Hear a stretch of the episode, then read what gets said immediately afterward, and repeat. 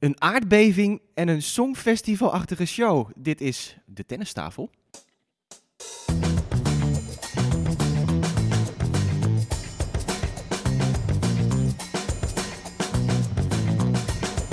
Please take your seats quickly, ladies and gentlemen. Thank you.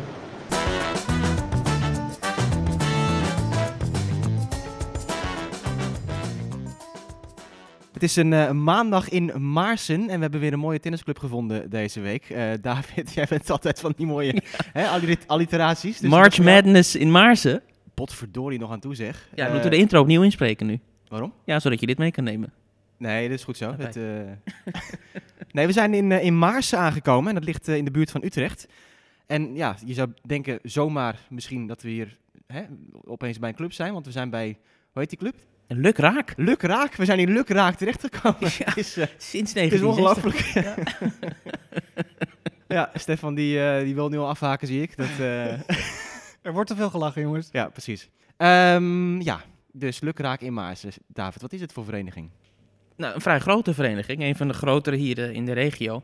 En ik kwam erop om hier langs te komen, omdat ik zelf hier een paar weken geleden eh, aanwezig was op verzoek van eh, ja, mijn medespelers bij de VLTV, mijn eigen club. Want wij waren hier met een groep om eh, de topkleedbanen hier te testen. Oh, had je ook gewoon bij mij kunnen komen. Had gekund, maar dit is wat dichterbij voor ons. Dus we hebben die, die topkleedbanen hier getest om te kijken of dat voor ons ook wat is in VLTV. En dat ziet er wel naar uit dat we ook over zullen gaan. Oh, En had een mooie vragenlijst, een soort enquête moest ik dan invullen wat ik ervan vond. En oké. of ik daarachter stond, achter dat idee. En, En wat voor vragen werden gesteld dan? ehm, nou ja, de vraag was bijvoorbeeld of het je, je spelplezier bevordert. En of, eh, of je het ermee eens bent dat we het smashcourt eruit halen en het topklee eh, erin gooien bij ons. En ik was geloof ik de enige die, eh, die zei dat ik het oké vind om het eruit te halen, maar dat het niet mijn spelplezier bevordert. Oh, wacht even. Dus iedereen, de rest wil, Dus- vindt het oké om het eruit te halen? En, en het spelplezier wordt En het bevorderd. spelplezier wordt En bevorderd. ik vond het ook oké, omdat iedereen het zo leuk vindt. Maar die hogere raakpunten, dat vind Hogere niks, raakpunten, ja, oh dat nee, is altijd slecht nieuws. mis. Ja. Ehm, TV Luk Raak, vorig jaar het 60-jarig jubileum geweest, maar door corona kon dat helaas niet gevierd worden. Komt ongetwijfeld nog na de heropening van de club hier. En het is een grote vereniging. Het is de grootste hier van de Stichtse Vecht, hier in de regio. En op initiatief van de voorzitter Cor van Alphen is in 2014 een eh, bijzondere campagne gestart. De Zuilense Vecht, een project ook om eh, ja, de toekomst veilig te stellen van de vereniging. En daarbij gaan ze meerdere sportparken hier in de omgeving samenvoegen tot één groot ja, project. Een aaneengesloten sportgebied voor wonen, sporten en recreëren. Ja, er staat ook een hele nieuwbouwwijk hier omheen trouwens, is me opgevallen. Dat, eh, ja, dat is een eh, regio in ontwikkeling misschien hier eh, bij eh Luk Raak, L-U-C-K, R-A-E-C-K. Dus het is wel... De luxe tak. Precies, precies, ja. Moet je in het wit hier gekleed of niet? Of het is... eh, Niet dat ik weet. Nee. Niks voor jou, hè, met je zwarte polo's Nee. altijd. Ehm, nou goed, ja, zijn er nog bekende leden hier ook geweest? Of eh, Stefan, daar ben jij van op de hoogte? nou, ik? ze zijn hier behoorlijk trots dat eh Elise Telme-Ela hier in de jaren 90 competitie heeft gespeeld. En Dennis Verscheppingen, daar is hij weer.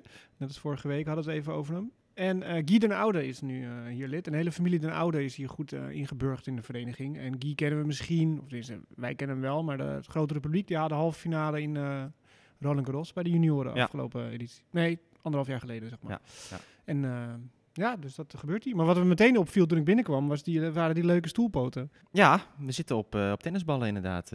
Ja, dus dat het, weet je, nu zo'n campagne lopen van een renewable. Dat je meer kan doen met je tennisballen. En eh, je ziet ze vaak op trek, trekhaken. Maar ik zie ze hier nu ook eh, bij alle, alle stoelpoten ondergebonden. Ja, geen krassen op de vloer. Dus overal liggen hier die topkleedbanen nu. Nee, vier topkleebanen. Er komen er een aantal bij. En eh, voor nu nog zeven gravelbanen. Gravelbanen. Ja, ja ik heb eh, geoefend op mijn uitspraak. Gravel. Ja, ja, gravel. Gravel. gravel. Goed, nou, we hebben nog geen, eh, geen gravel gezien op, eh, op de ATP en WTA-tours afgelopen week. Ehm, ja, wat is jullie moment van de week geweest? Wat springt er voor jullie uit? Want er zijn veel toernooien geweest eh, in Europa, in, in, in Mexico, op WTA, ATP. Wat is je vooral bijgebleven? Karatsev dan toch. De, de, de Rus die we... Ja, Dubai. dat is geen Europa of Mexico, maar dat hadden we ook nog, ja. Ja, we hebben gezien wat hij deed in Australië. En ja, dan is de grote vraag natuurlijk, gaat dat gewoon door? Of is dit echt een eendagsvlieg? Nou ja, hij wint zijn eerste ATP-toernooi. Het schema was, was iets wat afgezwakt. Maar ja, dat neemt niet weg dat hij gewoon hele goede tegenstanders daar heeft verslagen. En, en daar gewoon zijn eerste titel eh, droog heeft binnengesleept. Wat een wildcard nodig, toch? Ja. Om binnen te komen. Ja. En dan speel je in die finale tegen Qualifier.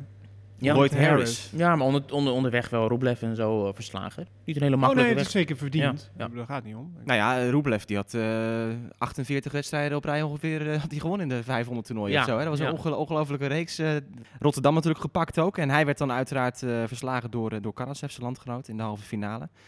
Maar ehm, ja, ik vind het ook wel apart trouwens dat Rublev drie keer achter elkaar tegen Vucevic Ja. moest spelen. Ja. Finale Rotterdam en toen de week erop kreeg hij een eh, walkover in Doha. En nu moest hij weer tegen hem spelen in de kwartfinale daar in, in Dubai. En eh, ja, won weer, 7-5, 6-2. Dat Maar vond die, Vucevic ook, hè? Die zei van, Ja. ik hoop dat ik dit jaar niet meer tegen jou Nee. hoef te spelen. Nee, nou, nooit precies. meer volgens mij. Nooit, nee, dit jaar geloof ik. Oh, Dus, eh, ja. Nee. Maar die Karatsev, er wordt veel eh, gezegd over zijn kuiten, hè, met name. Echt eh, stevige poten heeft hij. Ja, het is eh, gewoon dikker dan zijn, dan zijn bovenbenen bijna. Het is eh, heel bijzonder. Ja, het is echt zo'n worstel-uitstraling heeft Hij is ook zo'n no-nonsense. Hij speelt ook zo'n no-nonsense. En die voor en langs de lijn, jongen, versnelling.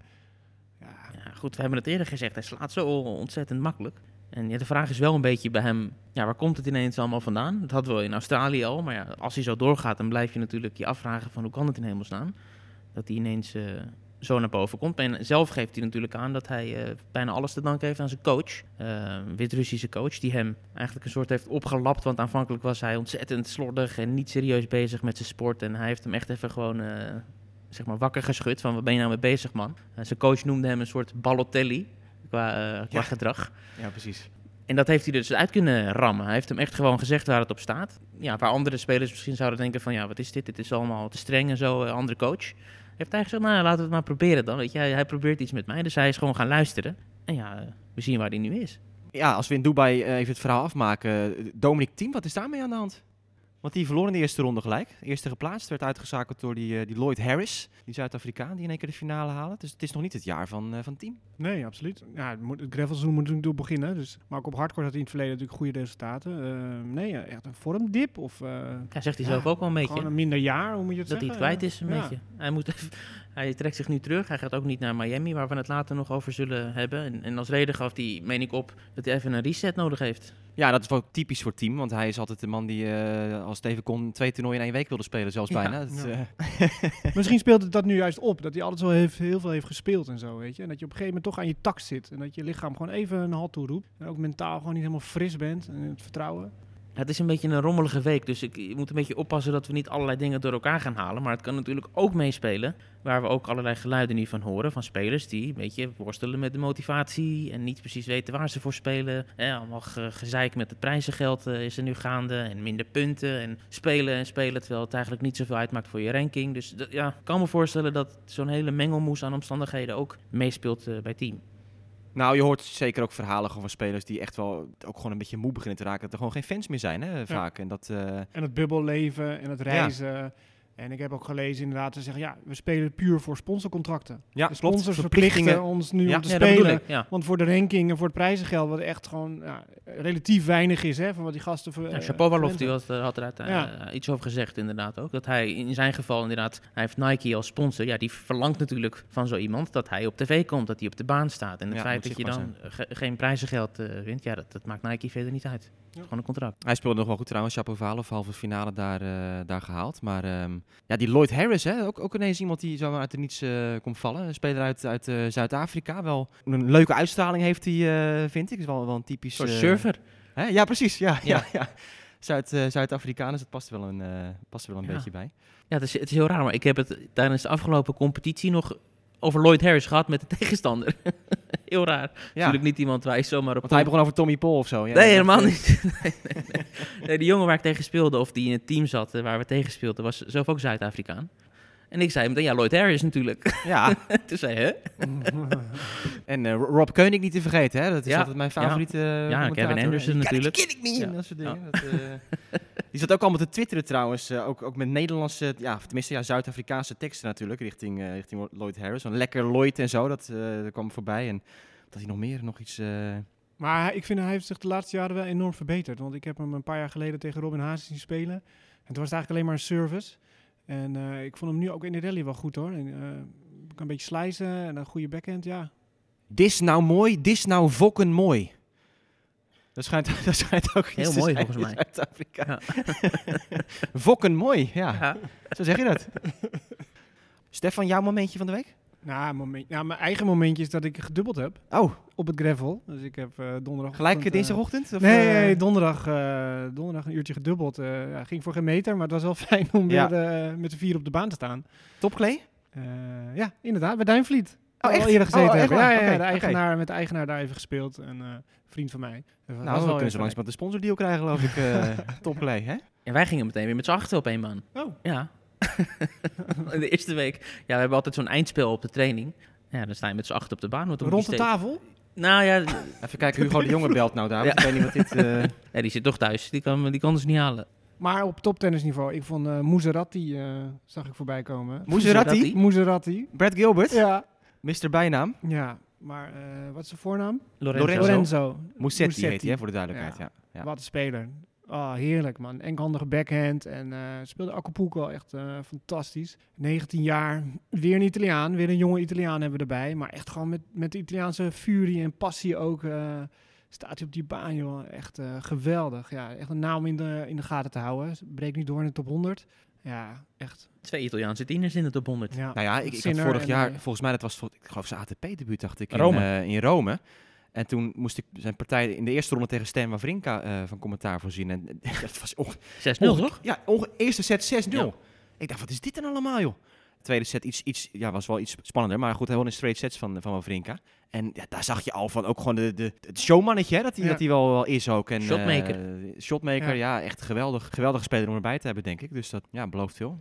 Ja, de Italiaanse tennis. Ja, Ja, we, blijven, we blijven het maar noemen. Maar ik meen in Miami ook Rusland en week- Italië? Dat Rusland de en finale Italië. van de ATP Cup, niet voor niks ook, begin van dit Ja. jaar. Ik geloof dat er in Miami zeven Italianen ook meedoen in het hoofdschema bij de mannen alleen al. En de Russen. Challenger van Miami, daar kom Ja. straks eh.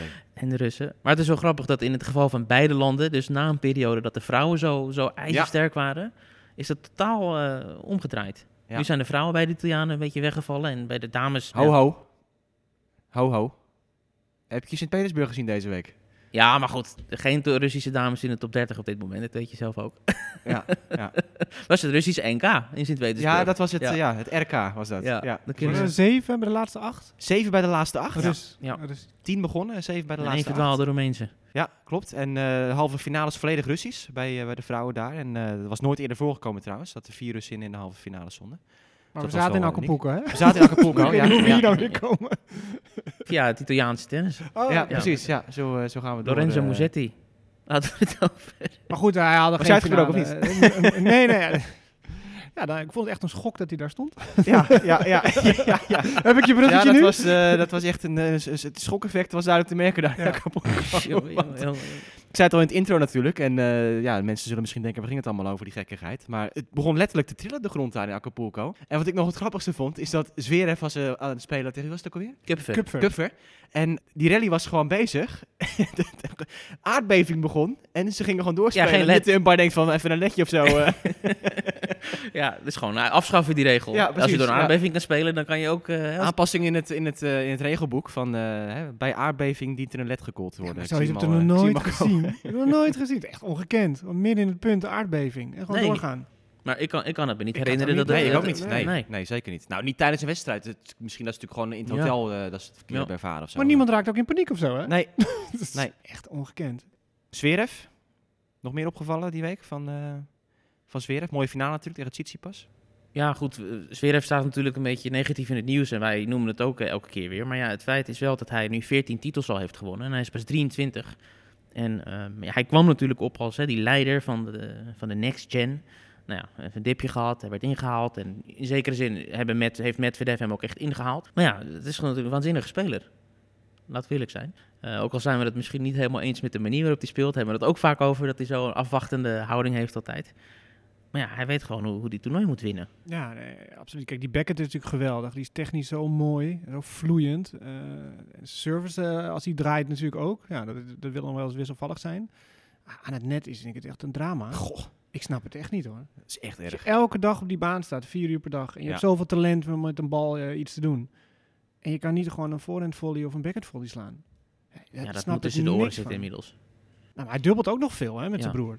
Ja. Maar waarschijnlijk elke keer als hij naar voren loopt, denkt hij, oh oh, al bij zichzelf. Denk Ja. jij dat hij na het net loopt van, oh ja, ik ga deze volley even lekker weg. Nee, is meer een moedje of zo inderdaad. ja. Het is geen Nadal, die gaat naar voren en die mist geen volley. Maar die weet gewoon, ik ga pas naar voren als ik makkelijk, zo makkelijk als ik die volley in één keer kan afmaken. Dat, dat snap ik, maar dat zie je bij damestennis ook wel. Maar bij bij hem snap ik er ook niet van. Nee. Misschien is dat een reden dat hij er zo ver achter de baseline ook staat. Van, dat ben ik ver Zo ver mogelijk bij weg van net blijven. ja, dat het niet in de buurt eh, komt. Sowieso geen volley spelen, dit punt. Ja. Nee, maar om, om even terug te komen. Hij heeft dus nu een ATP 500 toernooi erbij. En hij heeft al drie Masters titels gewonnen. En de World Tour Finals gewonnen. Ja, Maar het feit dat hij van Tsitsipas wint is ook wel even een dingetje natuurlijk. Hè? Voor Want, hem eh, zeker, Ook ja. iemand die, die hem heeft gepasseerd, Tsitsipas. 6-4, 7-6 finale. Ehm, heel de week geen set verloren trouwens door, eh, door Alexander Zverev. Tsitsipas trouwens ook wel weer een... Ja, die heeft ook altijd van die rare momenten weer. Ook in Mexico, dan probeert hij toch weer een beetje, een beetje grappig te doen of lokaal iets, eh, ja, iets in te brengen. Eh, in Nederland weten we dat hij over de hagelslag begint als hij in Rotterdam is, eh, dat soort zaken. En hij riep daar ineens in een interview op de baan, werd hij, werd hij geïnterviewd en had hij iets geleerd. Dan zegt hij, eh, "Vi- Viva Mexico cabrones. En Ja. de- de cabrones, dat betekent klootzakken. ja die interview mevrouw die... die Ja, die ook zat in ook gelijk door de grond heen van, wat zeg je nou? En eh, laten we, wat je nou, Stefan, zo kan je het niet zeggen. Dat is, dat is een bad word.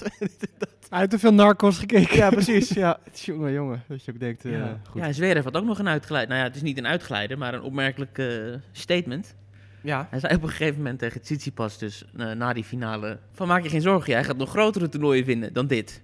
Ja, dat is natuurlijk een beetje raar als je als eh, Acapulco, eh, als organisatiecomité... Natuurlijk, het is objectief eh, vast te stellen dat er grotere toernooien zijn. Maar het is toch een beetje raar. Ja, en die heeft hij al gewonnen natuurlijk. Ja. Ja. De World Tour Finals. Hij heeft juist die grotere toernooi al gewonnen, ja. Ja. hij, nee, maar Tsitsipas zei letterlijk in het begin van de week van... ik wil dit jaar een 500 toernooi winnen. Dat is ook echt zoiets wat alleen Tsitsipas Ja. kan zeggen, volgens mij. Weet je. Het is mijn doel om dit jaar een 500-serie toernooi te winnen. Maar ja, goed, die heeft hij nog niet op zijn lijst. Hè? Wat, zes finales Nee. verloren of zo? eh, iets in die trant. Nee. Dus, ja, nee, maar goed, je zou, je is zou Nadal of zo, weet je. Dat, eh, Nou, maar hij zou ook wel de Nadal verslaan op Roland Garros. Ja, ja. Dat was ook zijn doel. Ja, dat vind ik iets andere categorie Ja. dan de 500 toernooi winnen. Maar. Ja. Ehm Griekspoor in eh, Acapulco, ook eh, goed gespeeld. Uit de kwalificaties gekomen en ja, bijna een kwartfinale gehad. ja. Tegen Weer bijna, Ruud. Ja, weer bijna. Zuur. Tiebreak derde set, dat is een beetje een, eh, een angstbeeld voor hem aan het worden. was in de achtste finale. Dus hij kwam vanuit de kwalificatie, Ja. won eerste ronde, achtste finale, verliest. eh, en nog Ja, hij won twee keer van Dennis Koetla in de kwalies Ja. en in, de, in het hoofdtoernooi. gelijk kwam als Lucky. Loose erin. En, eh. Dat is ook knap hoor, denk ik. Als je in twee dagen tijd twee keer de- dezelfde moet spelen. En je, hebt, je hebt hem al verslagen, maar niet dat je veel beter bent of zo. Maar je hebt gewoon goede overwinning. En eh, dan moet je meteen de eerste ronde weer tegen hem. Eh, dan denk je van, nou, die Koetla zal zijn huiswerk gedaan hebben. Die zal anders voor de dag komen. Maar hij versloeg hem in drie sets. En dan Casper Ruud. Ja, dat is zo zuur. Dan verlies je weer de derde set tiebreak. Was eh, een paar weken geleden ook al in Frankrijk, in een indoor toernooi. Montpellier. Tegen Hubert. Had hij nog matchpoints, had hij dit keer niet. Maar wat hem nog zuurder maakt, is dat Casper Ruud in de volgende ronde, in die kwartfinale, dan een walk-over geeft. Tegen Zverev, ja. Ja, dat is niet anders. Ja. Zou je daar een regel van moeten maken om, eh, om- in dat soort gevallen iemand anders zo'n wedstrijd te laten spelen? ja, in de eerste ronde hebben ze Zeg dat maar wel, hè? midden in een toernooi. Stel je, ik ga naar, de, naar het toernooi om die wedstrijd alleen, om die dag tennis te kijken. En, en een van die wedstrijden is dit. Ja, maar dat is sowieso het probleem van de toernooien. Dat, dat je ze niet kunnen plannen wie- wie speelt Ja. tegen wie. Alleen Nee, de maar- eerste drie dagen, maar daarna blij, hou- houdt het natuurlijk op. Maar het, was, het een van mijn eerste eh, buitenlandse reizen ook. Dat ik in, in 2008 eh, naar Rome ging een week. En toen had je de halve finale dag bij de mannen. En, en de e- ene wedstrijd was een walkover. En de andere was een opgave na drie games. Ja, die mensen werden helemaal gek. Ja. Die Italianen, Foro Italico, die, die braken de boel af. En, en toen, toen had je nog de, de scheiding tussen de ene week mannentennis en de andere week vrouwentennis. En toen werd er een statement ge- rondgegeven van... Ja, maar jullie kaartjes mogen jullie gebruiken dan volgende week voor het vrouwentoernooi. nou, toen werd het boelgroep nog harder. Ja, Ja, nee, nou maar op een gegeven moment moet je daar toch misschien rekening mee gaan houden. Want, ja, Nou, in de eerste ronde van de Slam zie je dat wel. Dat, eh, je zag natuurlijk op een gegeven moment zoveel eh, opgaves. Dat al die spelers die waren dan wel geblesseerd, maar gingen toch zo'n Slam in. Want eh, ja, het levert gewoon heel veel geld op. 50.000 dollar eerste ronde. En dan gaven na een setje of na een paar games op. En nu hebben ze dan wel bedacht van oké, je, als je toegelaten wordt door een Slam, maar je speelt je eerste ronde niet, dan deel je het prijzengeld met een qualifier lucky loser of zo. Die Ja. er op jouw plek. Ja, met die speler die dan in jouw Ja, plek komt. precies. Eh, zo zie je veel minder walkovers en dus wedstrijden die niet doorgaan of Mhm. maar voor half eh, gespeeld worden. Ja, maar je kan toch moeilijk zeggen dat in een kwartfinale dat speler die in de vorige ronde verloor erin komt Ja. en dan pakt hij het toernooi. Dat Precies, kan je ja. niet maken. Ja. Moet je voorstellen dat je zo'n Grand Slam wint. Ja. Hè? Noem maar wat. Nee, dat, nee, maar dat hoort bij sport. Kijk, blessures Precies. horen bij de sport. Goed, dat was Acapulco. Naar de vrouwen? Zeker, ja, we hebben het al even gezegd. Sint-Petersburg, die opmerkelijke week. Het toernooi wat natuurlijk door Kiki Bertens twee jaar was gewonnen. Deed niet mee dit jaar. De, veel vragen over eh, binnengekomen ook van hoe kan het nou dat ze dan haar titel daar niet verdedigt. Nou ja, het was om meerdere redenen een logische keuze. Uh, punt 1, het zat tussen de twee grotere toernooien van Miami en Dubai in. Ja, je gaat natuurlijk niet Dubai, Sint-Petersburg en dan Miami. Dan kan je natuurlijk donder op zeggen dat je dan in Miami niks meer, uh, niks meer waard bent. Ja. Bert was niet de enige die zo erover dacht. Dus uh, niemand uit de top 30 deed mee daar in Sint-Petersburg. Wat wel een, een aderlating was. Normaal is dat een, echt wel een sterk toernooi. Als gevolg dus uh, ja, al die Russinnen. En trouwens, Bertens mocht wel haar punten houden van die titel. Ja, speelde ook mee. Voor. Zeker bij dat de is, wel. Ze kon niks, ja, ze kon niks winnen qua punten. Want uit die COVID-regels mag je je beste resultaat gebruiken van twee jaar. Dus ja, waarom zou ze daar überhaupt dan, uh, dan gaan spelen? Dus uh, dat was allemaal best verklaarbaar. Alleen uh, degene die haar kans greep was vooral dus Daria Kasatkina. Stefan, wat vind jij van haar? Leuk speelster om te zien. Uh, toen ze opkwam was er echt heel veel variatie, uh, veel dropshots. Echt een ander geluid, ander spel ook dan uh, dat power tennis wat je toen had. ander geluid? de verkiezingen gevolgd. ja, ik ben een beetje... Zij slaat, het eerlijke, zij slaat de eerlijke bal. ja, precies, ja. Nieuw leiderschap. maar uh, nee, ja, leuk speelsom. Toen heeft ze echt Speelt graag vanuit de oppositie, hè? Een beetje counter uh, tennis. Ja, aan de linkerkant. oh nee, die verliezen alleen maar. nee, vanaf rechts komt ze echt goed uit de hoek. precies. Maar uh, heeft ze een heel lange, flinke dip gehad. En ja, ze is nu weer bovenop. Ja, geweldige speelster. Ik bedoel, het, in 2016 was dat een beetje toen ze opkwam. Het was ze nog een tiener speelde toen tegen Kiki Bertens nog een wedstrijd op Roland Garros uh, met tranen aan toe. 10-8 derde set of zo geloof ik. Dat Kiki kramp kreeg en, en uh, nou, de emoties aan beide kanten liepen hoog op. Dat was het begin van die opmars hè, van Kiki, van richting de halve finale toen, was dat, uh, was dat jaar. David, wij, wij begonnen in die tijd ook al een beetje te podcasten. 2016 was dat. Wij hebben toen veel aandacht ook besteed aan de Kasatkina. Ja, volgens mij een hele uitzending zelfs van eigenlijk. ja, ja, ja. In, geparkeerd in een berm langs... ja in het Amsterdamse bos ergens. Ik weet eigenlijk helemaal niet meer waarom we dat deden. Ja, we zochten een rustige plek, dus zijn we naar het bos gegaan. Ja, en in de auto hebben we... Ja. ja. Ja. hebben we nog niet al die uh, professionele microfoons die we nee, hebben. Nee, dus toen hebben we het over haar gehad. Ja, we waren heel enthousiast over haar. Zoals Stefan ook zegt, heel anders uh, hoe ze speelt. Ja, iets wat me wel een beetje bekruipt nu als ik zit te kijken. Kijk, ze wint het toernooi. Maar toch vind ik het te licht. Te licht in de zin van wat ze uiteindelijk in huis heeft. En vooral qua vuurkracht is het gewoon. Zo'n tweede service bijvoorbeeld, ja, dat gaat, dat gaat gewoon niet. Op een gegeven moment kom je bij een categorie tegenstanders die, uh, die vreten je op dan. Nou ja, maar ja, dit, als je kijkt naar Svitolina, die tweede service, dan, uh, dan denk ik ook wel tijd veel komst daarmee weg. Ja, maar Rani? ja, weet ik niet. Ik ben, ik ben fan hoor. Ja, maar jij hebt toch ook wel eens gemixt, of niet? Ja. Nou, dus dan krijg je toch ook opeens een heel andere service tegenover je van die dame. En dan denk je, heb je gevoel van, nou, die moet ik wegpompen. Nou, dat lukt je ook niet altijd. Of bijna nee, niet. nou goed, we zagen het in de finale. Het is niet altijd uh, dat het hard ja. of kick of dat het allemaal maar... Uh, is ook zo, is ook zo. Nee, maar het is wel precies dat punt wat je zegt. En dat heb ik ook wel aangegeven. Dat dat echt wel een, een kwetsbare plek blijft van Kasatkina. Maar ik vond wel dat ze iets meer ook durfde af en toe. En dat heeft ze gewoon jaren niet gedaan. Dat ze echt, echt als een soort angstig... Ja, ze verdedigt graag, dat geeft ze ook zelf toe. Maar dat, dat ze ook echt gewoon alleen maar achterover hing en die balletjes kort teruglepelde. Heel veel mishits en zo. En nu, nu zag je wel iets meer ook in, het, ja. in de uitstraling van ik, ik kan het weer. En ook dat ze iets die, die versnellingen overnam af en toe wel. En, uh, ja, en hoe ze ook hoeken kan maken, dat is wel bijna ongeëvenaard hoor. Ja. Hoe ze echt vanuit, vanuit een, een aanval kan counterpunchen, diep crossen en uh, scherp de baan uit. Ja, ik, ik, was een jaar of drie geleden in Sint-Petersburg. En ik heb toen haar toenmalige coach geïnterviewd over haar. Dat was Philippe de Haas destijds. Oh ja de Belg. En die had prachtige quotes over haar en de manier waarop ze speelde. En wat me is bijgebleven, wat hij toen zei, was dat ze een soort wild paard is. Hè, dat woord gebruikte hij ook. Uh, die je enigszins wel moet temmen, maar anderzijds ook wel genoeg vrijheid moet geven om te kunnen blijven doen en te kunnen blijven fantaseren tijdens de wedstrijd. Dus dat was, uh, was, was heel leuk. Zijn onkort coaching toen ging toen viral, hè? Ja, ja. Daar, weet je nog? Dan moet je maar op YouTube een keer terugkijken. Ja, Haas coaching. Uh, klopt. Altijd, ja. Dat altijd van die hele... Echt, uh, een leuke coach. Ik, hij is, ja, ik weet niet wat hij doet nu. Super motiverende coach was het altijd. Die, die kwam de baan op en die, die gaf een stoot energie mee aan, aan Kasatkina. En, uh, maar ja. ik, ik, zie jullie nog steeds in het autootje in het Amsterdamse bos. Het wordt langzaam donker. Jullie zitten daar met z'n tweetjes. nee, het was op te nemen. Ah, oké. maar waarom een uur over Kasatkina toen al? Ja, weet niet. Nou, omdat ze toen echt, echt dus tegen Kiki ook moest gaan spelen, volgens mij. Dat was een soort vooruitblik, uh, geloof ik. En uh, ze had toen Nee, Charleston niet gewonnen, was een jaar later. Maar ja, ze, ze, was, ze zat toen aan te komen en er was heel veel hype eh, rondom haar. Gewoon ja, wereldwijd dacht iedereen van, nou, dit is echt iemand die eh, inderdaad eh, door de massa breekt en met haar eigen spel. En die echt eh, waarschijnlijk gewoon voor de grote prijzen gaat spelen binnen, binnen korte tijd. Alleen toen kwam 2018, werd ze top 10 speelster. Toen ging alles nog goed. En het jaar daarna was het echt gewoon compleet tegenovergestelde. Tien keer eerste ronde uitgeschakeld. Vertrouwen helemaal weg. Eh, nieuwe coach, eh, die Carlos Martinez, waar ze nu mee werkt. Ook iemand die, met, die veel ervaring al heeft. En die zei ook van, nou wat ik, wat ik aantrof eh, toen ik met haar ging werken halverwege 2019 was echt ongekend. Iemand die, die totaal niet meer geloofde in zichzelf. En ja, dus, dus dat was gewoon het, het hoofdpunt van het, mentale aspect moeten we weer gaan opbouwen voor, eh voor Kasatkina. En met dat vertrouwen zie je nu gewoon dat ja, het talent is niet verloren gegaan. En eh, ja, deze week heeft ze van, eh van Kudermetova gewoon in de halve finale. Eh, drie keer trouwens teruggekomen van de set achterstand. Dus die mentale weerbaarheid blijkt ook daar weer uit dat die is verbeterd. Ja, de finale was alleen een deceptie, David, hè? tegen Margarita Gasparian. Ja, was wel trots. Hè, want het is een Russische speelster, maar heeft Armeense achtergrond, zoals ik ook. Eh, prachtige Armeense naam ook. Dus wel blij dat zij eh, er weer bovenop is. Na ja, ook een ontzettend vervelende periode. Drie knieoperaties. Ehm, maar speelster die, ondanks dat ze niet heel hoog heeft gestaan, wel bekend is. Omdat ze zo'n prachtige enkelhandige backhand heeft. Wat heel zeldzaam is eh, in het vrouwentennis op dit eh, moment. Ja, daarom keek ik ook wel uit naar die finale. Dat, het Ja. spelletje van Kasatkina tegen die, die enkelhandige backhand van, eh van Gasparian. Ja, En ja. ook.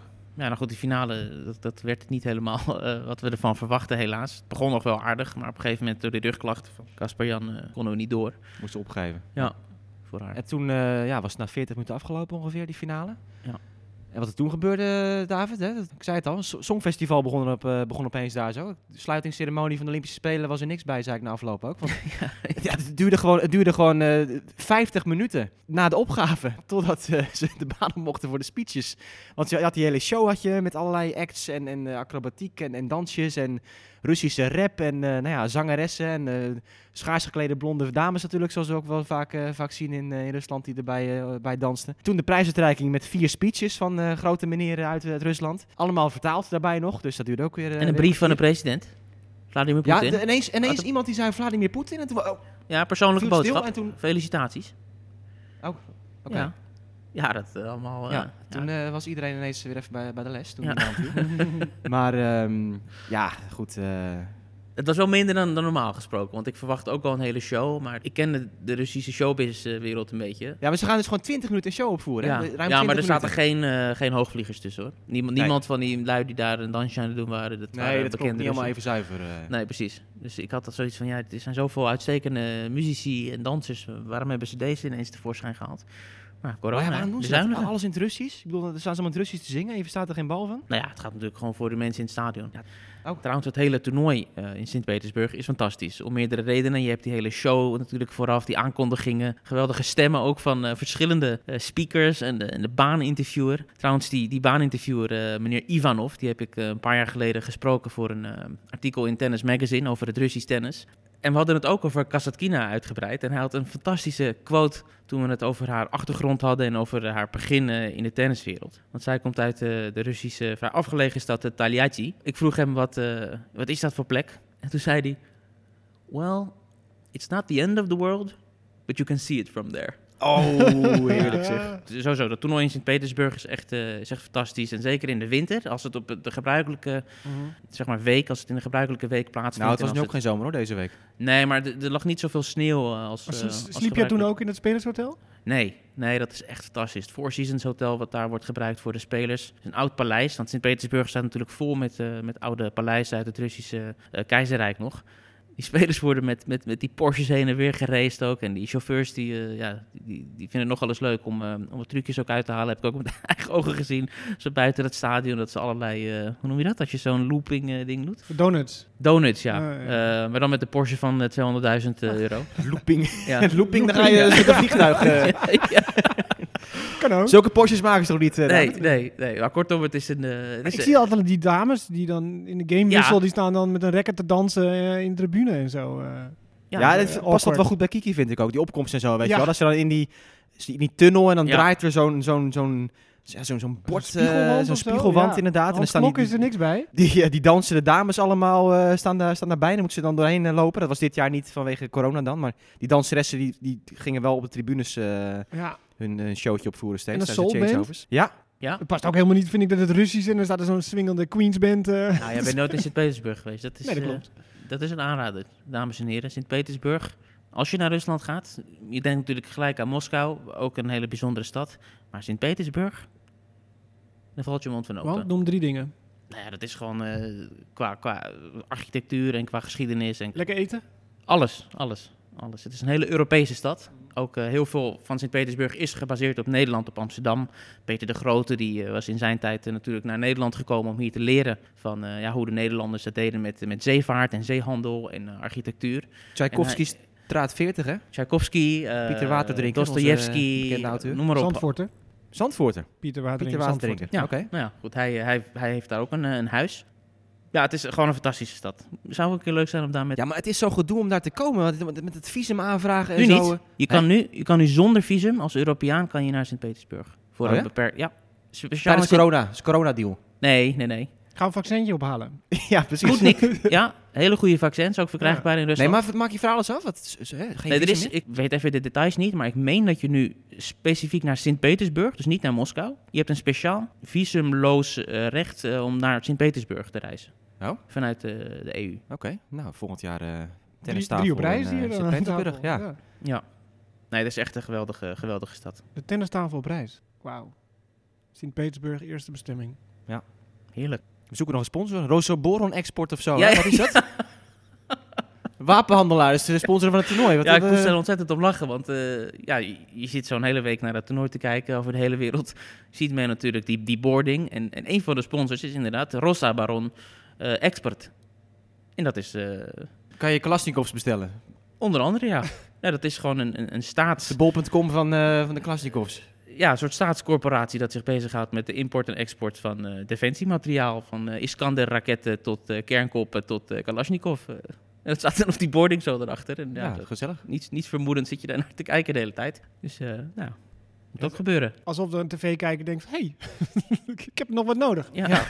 Ja, precies. Ik, eh, die voorhand, eh, even, even die voorhand al- moet als een raket gaan, zeg maar. Ja. Dat ze dan, eh, nou ja, goed, dat was, eh, dat was Sint-Petersburg. Heb jij er nog wat van gezien verder, Stefan? Van die Ik heb een stukje van die finale gezien en eh, ja, Kasparian, ik, ik heb wel een beetje zwak voor haar. Ik zag ook bij Rosmalen, heb ik er ook wel een aantal keer gezien. En eh, gewoon een lief meisje. En eh, die enkelhandige backhand, ja, dat valt natuurlijk wel op. Slaat ook echt winnaars mee. En dan zit je toch te kijken en denk je, waarom zien we dat niet vaker? Het lijkt of ze toch iets meer variatie kan geven met een enkelhandige backhand dan met een, eh, dubbelhandige backhand. Maar in het power tennis, ja, het zie je zo weinig. Ja, ze pakt hem hoog, hè? Eh, we Ja, hadden het over die hoge, hoge raakpunten, hè? Ja. Ja. als het hoofdhoogte zelfs. eh, Ja. Ja. pakt ze hem af en Hard toe. ook nog. Ja, Ja. maar goed, Ja. kijk, in principe kan je een tennisbal wegslaan als je je racket in, tussen je duim en je wijsvinger hebt en je timed hem goed. Dan kan je die bal gewoon slaan. Oh, nu wordt het even kracht tussen je duim en de wijsvinger, ja? Ja, als je een voorhandje wil slaan, je hoeft die racket helemaal niet te knijpen. Je kan heel losjes, als je goed timed en je raakt hem voor je, die bal, hop, dan kan je die bal slaan. Dus het heeft niet alleen maar met kracht te maken, dat je met twee handen eh, harder kan slaan of iets dergelijks. Het puur met timing te maken en techniek natuurlijk. Vroeger zag je veel meer vrouwen met enkelhandige backhand, maar tegenwoordig eh, zo weinig en ik vind het toch wel heel gaaf. Victoria Golubic. Ja, precies. Finale in Monterrey, Zwitserse. Ja. Met de enkelhandige backhand. Maar die moest het afleggen tegen Leila Fernandez, Canadese tiener. Schiavone won eh de Roland Garros natuurlijk, enkelhandige backhand. Ja, absoluut. Conchita Martinez won Wimbledon. Ja, goed, in het verleden heeft natuurlijk Ja, iedereen. Ja, ja. eh, heen hè. Zit je er mee aan te denken. Maar Martinez, die had een dubbelhandige backhand. En die werd toen gecoacht door Erik van Harpen. En die heeft gezegd, we gaan voor jou een eh, enkelhandige backhand aanleren. En toen was ze al een goede speelster. En heeft ze alle vertrouwen helemaal in Erik van Harpen gelegd. En is ze overge- overgegaan naar een enkelhandige backhand. En daarna won ze Wimbledon. Nou, wel heel bijzonder. Good old Erik van Harpen. Ja, nou ja, ik heb zwak voor, eh, zwak Ja, voor hem. ja, je hebt ook Dus, persoonlijk eh, contact nog, eh. ja, ik, ik, heel vaak contact met hem. Ik ben ook bij hem geweest eh, op Mallorca. Ja, echt een karakteristieke man. En eh, een eh, ongezouten mening. Kunnen we wel zeggen. Hij heeft wel eens eh, dingen denken, nou, dat kan ik niet herhalen in de podcast. dat is beter voor iedereen. Ja. Maar, eh nou, maar hebben ze wel sporen verdiend in het verleden. Dus, Zo, ja. eh, hij heeft heel veel speelsters, voornamelijk buiten top 100 richting top 20 gebracht. En eh, die cv-lijst die is eh, oneindig. En eh, laten we niet te ver uitweiden daarover. Nee. Doen we eens een andere keertje. Leila Fernandez dus, die won nog het andere WTA-toernooi van deze week in Montreal, het kleine toernooi. Maar ook weer iets voor het Canadese tennis. Hè. Dat is echt een, een, een topsport aan het worden daar in, in Canada. tennissport, echt ongelooflijk dat ze weer een, iemand erbij hebben. Ik zag trouwens iets voorbij komen nog, iets heel anders. Weekend Miljonairs, dat kennen jullie al denk ik. Ja. was een vraag, even kijken of jullie het antwoord daarop weten. Tennisvraag. Wie van deze tennisgrootheden won ooit de Australian Open while eight weeks pregnant? Ja, ik zeg het even expres zo, want er wordt eh, hier geen, eh, geen geslacht in die vraag genoemd. Eh, de opties zijn Serena Williams, John McEnroe, Andy Murray of Roger Federer. dus wie won ooit acht weken zwanger de Australian Open? Dat is grap, toch? Nee, dat, eh, ik zag het voorbij komen. Oké, en welke ronde was die vraag? Hoeveel geld dit gaat was, me dit opleveren? dit was voor de 1 dollar eh schijnt. ja, Er werd, wacht even, er werd Ja, maar geen... je bent samen zwanger, hè? Ja, hou op zeg. Dus misschien eh, Roger. ja. Je Nee, samen dat, eh, zwanger. Ja, dat, weet- dat, weet- ja, dat weet je Nieuwe misschien. tijd, David. Ja. Bij 1. ja. Nee, doe ik niet aan mee. Oh. Dat is gekkigheid. Gisteren ook al zo'n waanzinnig programma op tv gezien. Over? Gewoon bloot of zoiets, met alle blote lui eh, op tv waar kinderen dan eh, naar moeten gaan kijken. Nou goed, ga door. Nee, ik ben klaar. ik, wa- ik wacht op het maar er is antwoord. toch niks Ik mis eh, mee? Ik vind het niet eh, verstandig om, om blote mensen voor een groep kinderen te zetten en dan daar kinderen na laten kijken naar geslachtsdelen van volwassenen, van vreemde volwassenen. Daar ben ik niet zo'n fan van. Nee, Nou, maar ja. jij, bekijkt het vanuit een volwassen blik. En je oordeelt vanuit een volwassen blik. Je eh, Ja. plakt er misschien eh, seksueel iets aan. Of ik hoor zelfs incest. Waarom is dat nodig? zeggen, wat een onzin. Waar is het voor nodig? Ja, het is gewoon biologie. Dus gewoon, ja, maar dat kan toch ook gewoon en- binnen de huiselijke omgeving? Hoeft toch niet? Ja, maar dat gebeurt te weinig. Dat gebeurt kennelijk eh, te Ja. weinig. Goed, ik word er misselijk van. Het antwoord is eh Serena Williams. Oh, oké. ja, dat nog even eh, terzijde. Trouwens, Serena die, eh, is normaal gesproken altijd vaste klant bij het toernooi van eh, Miami. Dat is een beetje haar thuistoernooi. Heeft ze acht keer gewonnen, geloof ik. Iets in die richting. Doet niet mee dit jaar. Een van de nou ja, relatief weinige topvrouwen dan die afwezig is. Ze heeft problemen met een tand of zo, hè? Wat was het? Een oral surgery? Ja. zei ze, ja. Iets met haar gebit of zo. Het plaatst al iets op social media een paar dagen ervoor. Ja, daarom is ze dus eh, niet aanwezig. Sabalenka eh, staat wel in het schema. Over Ja. zwangerschappen gesproken, wel niet. Acht Eh, weken zwanger gaat ze Miami spelen. Gaat ze winnen, ja. Volgende vraag. ja, precies. ja, nee, daar had het vorige week over. Maar dat, ja, er is niks meer uitgekomen. Hè. Het, het schijnt. Nee, eh, volgens Nee, mij dat, niet. dat duurt nog wel even. nee, maar dat hele verhaal dat ze zwanger is, dat is waarschijnlijk Ja. niet, eh, niet waar Nee, van, eh, nee. van Sabalenka. Nee. Ehm, Maar het vrouwentoernooi in Miami is, is prima trouwens. Naast, Precies, naast precies. Serena valt het allemaal wel mee. Is het gewoon vrij sterk eh, bezet. Iedereen Ja. is er. De Osaka is er. Barty is er zelfs. Die, eh, die maar met moeite Australië verlaten. maar bij de mannen, even kijken, Stefan, hoe, hoeveel uit ben jij nog in eh, Miami? ja, inderdaad. Ja, ja. Er doen, eh, 31 top 100 spelers doen niet mee. Jongen, jongen. Ja. En voor het eerst sinds 2004, niemand uit eh, de, de grote drie, hè? Ja, Parijs eh, 2004, Ja. ongelooflijk, 17 jaar geleden. Ehm, ja, Djokovic werd de laatste die zich heeft, eh, heeft afgemeld. Nadal en eh Federer natuurlijk al Ja. eerder. Team dus Ehm, ook niet. Team ook niet, nee. Ja, Vies van Vrinka. Voor de mannen is het minder aantrekkelijk om daarheen te gaan dan voor de vrouwen. Want ja, de vrouwen hebben daarna nog Charleston en geloof nog een ander toernooi ook. Wat ze kunnen spelen. Twee, twee weken Charleston wordt het straks. Twee weken Charleston, ja. En, en de mannen zouden daarom Twee alleen vanuit Europa bijvoorbeeld heen reizen voor Miami. En ja, met corona en al die maatregelen is dat toch een, eh, een reis die ze niet willen maken op dit moment, lijkt het. En prijzengeld speelt misschien ook mee. Dat is, eh, zou eerst 80% minder zijn, dus geloof ik nu 60% minder geworden. Tja. Punten, ja, het blijft allemaal staan. En inderdaad, standalone eh, event daar. Daarna gaan ze lekker in Europa spelen. En het is sowieso, weet je, het wordt nu gespeeld bij dat American Football Stadium en s- en zo. Volgens mij is ook niet iedereen daar super enthousiast over, over die, eh, over die locatie. Die tickets die kosten ook wat, trouwens. Daar. Ja, wat is dat ook alweer? Eh, Duizenden eh, de is niet dollars normaal, ja. ging het om. Duurder dan Grand Slam finales of zo, als je daar... eh, Bizarre En prijzen. dan zie je toch zo'n hele grote stoel of zo. Nou, dat, dat is inderdaad, als je, als je die. VIP-boxen, dat, was, ja. Ja. dat was een paar jaar geleden al een verhaal, dat dat echt eh, ongekend was. Dat je dan, ja, dat betaal je gewoon tienduizenden dollars. Ja, dan, dan kon je in stoelen zitten van eh, Ferrari-leer of Ja. zoiets. Allemaal rare dingen. Eh, volgens mij, Miami gaat helemaal niet goed ook, hè, met eh, COVID en zo. En volgens mij eh, is het allemaal weer in lockdown en moeten spelers helemaal weer in die bubbel. En eh, die, ja, daar worden ze Ja. ook moe van. Nou, je hebt daar nu die, die spring break, dat al die studenten Ja, die ik zijn erop afgekomen. Ik heb Ongelooflijk. beelden ook van gezien. Ja, allemaal gek ook. eh. Ja. Eh, maar bij vrouwen, weet je, we skipten heel weer snel weer naar de mannen. We hebben natuurlijk wel Kiki Bertens in het hoofdtoernooi. Die heeft een bye in de eerste ronde. Die speelt tegen of Camilla Giorgi. Krijgt ze weer lekker veel ritme. Of een qualifier, die al ritme heeft. En Aranska Rus eh, speelt ook in het hoofdtoernooi. En die speelt tegen de Tsjechische Buskova. En eh, daarna eventueel tegen Sakari, die een bye heeft. Maar ja, goed, het is natuurlijk wel lekker dat het gewoon, eh, gewoon doorgaat. Vanaf nu zou in principe alles weer een beetje normaal worden. Hè? Want we hebben natuurlijk nu de afgelopen weken toernooien gehad in plaats van Indian Wells. Die dat gat hebben opgevuld, want dat ging niet door. We hebben nu Miami en dan nou ja, Charleston voor de vrouwen, wat we altijd hebben gehad. Eh, er komt een extra toernooitje nog bij in Charleston voor de vrouwen. En dan is het Europese gravelseizoen aan de beurt. En ook daar doet Bertens mee, hè, in eh, Charleston trouwens. Ja. Ja, Ja, die dat, staat te trappelen om Charleston te spelen volgens Ja. mij. Dat Miami is de voorbereiding op Charleston. Dat is ook wel, volgens mij. Ja. Maar ja, de grote vraag, ja, want je zegt wel alles is normaal. Eh Rosmalen weten we nog niet. Nee, daar gaan we wel erg verder vooruit. En, eh, Ik ben wel in contact met Marcel Hunsen, de toernooidirecteur. En eh, ja, er wordt heel hard gewerkt achter de schermen. Met flink overleg ook ge- gepleegd met de overheid en sponsors en dingen. Dus ja, de komende weken moet het duidelijk worden of de doorgang kan hebben. Is echt groot gevaar dat het niet doorgaat? Nou ja, je had nu, er was in het nieuws natuurlijk dat vanaf 1 juli de overheid dan garant staat of zo voor de kosten voor evenementen. Ja. Eh, maar ja, Rosmalen is natuurlijk een groot evenement. eh, is 5 juni, zaterdag 5 juni beginnen. Dus dat valt er dan weer net voor. Dus dat is dan weer even een dingetje. Ja, het is natuurlijk wel bijzonder. Je hebt en een ATP-toernooi en een WTA-toernooi daar. Mensen denken dat het één toernooi is. Maar het zijn eigenlijk twee evenementen op één locatie op één week. Ja. Dus je moet met twee verschillende partijen ook natuurlijk ook eh, onderhandelen en dealen. En de WTA heeft misschien wat minder sponsoring, geld om steun, weet ik niet, dan ATP. Dus nou ja, en of het van de overheid überhaupt mag. Als we nu naar de besmettingen kijken, eh, dat gaat niet goed. En de lockdown verlengd. Dus onzekere tijden, zeker voor, de, voor dat toernooi. Maar ja, ik denk wel dat het pluspunt is dat Rotterdam natuurlijk al is doorgegaan. En dat misschien ook... Ja, maar kijk, Rotterdam heeft natuurlijk ABN als eh, stevige sponsor erachter. Die al maanden van tevoren zei, wij, wij, eh, maken dat sponsorgeld gewoon over. Dus het kan georganiseerd worden zonder publiek. Ik weet niet hoe dat precies zit met het toernooi van Rosmalen. Maar ik weet wel dat Maar misschien meer richting de overheid, weet je wel. Dat, dat, Ja. eh, dat- maar zullen ze kijken, ja, Rotterdam is ook, hebben ze ook kunnen organiseren. Dus Ja. dan moeten wij dat toch ook... Ja, maar goed, het is ook een financiële kwestie. Absoluut. En ja, Rosmalen in de buitenlucht, groot terrein. Met acht, eh, acht banen eromheen. Dus je kan natuurlijk wel spreiding van de mensen doen. Eh, anderhalve meter kan je daar veel makkelijker eh, volgen dan in eh Ahoy. Waar iedereen door die roltrap, over die roltrap naar beneden naar boven gaat en door Ja. de winkeltjes gaat. Dus ja, laten we het hopen joh. Ik bedoel, fingers crossed.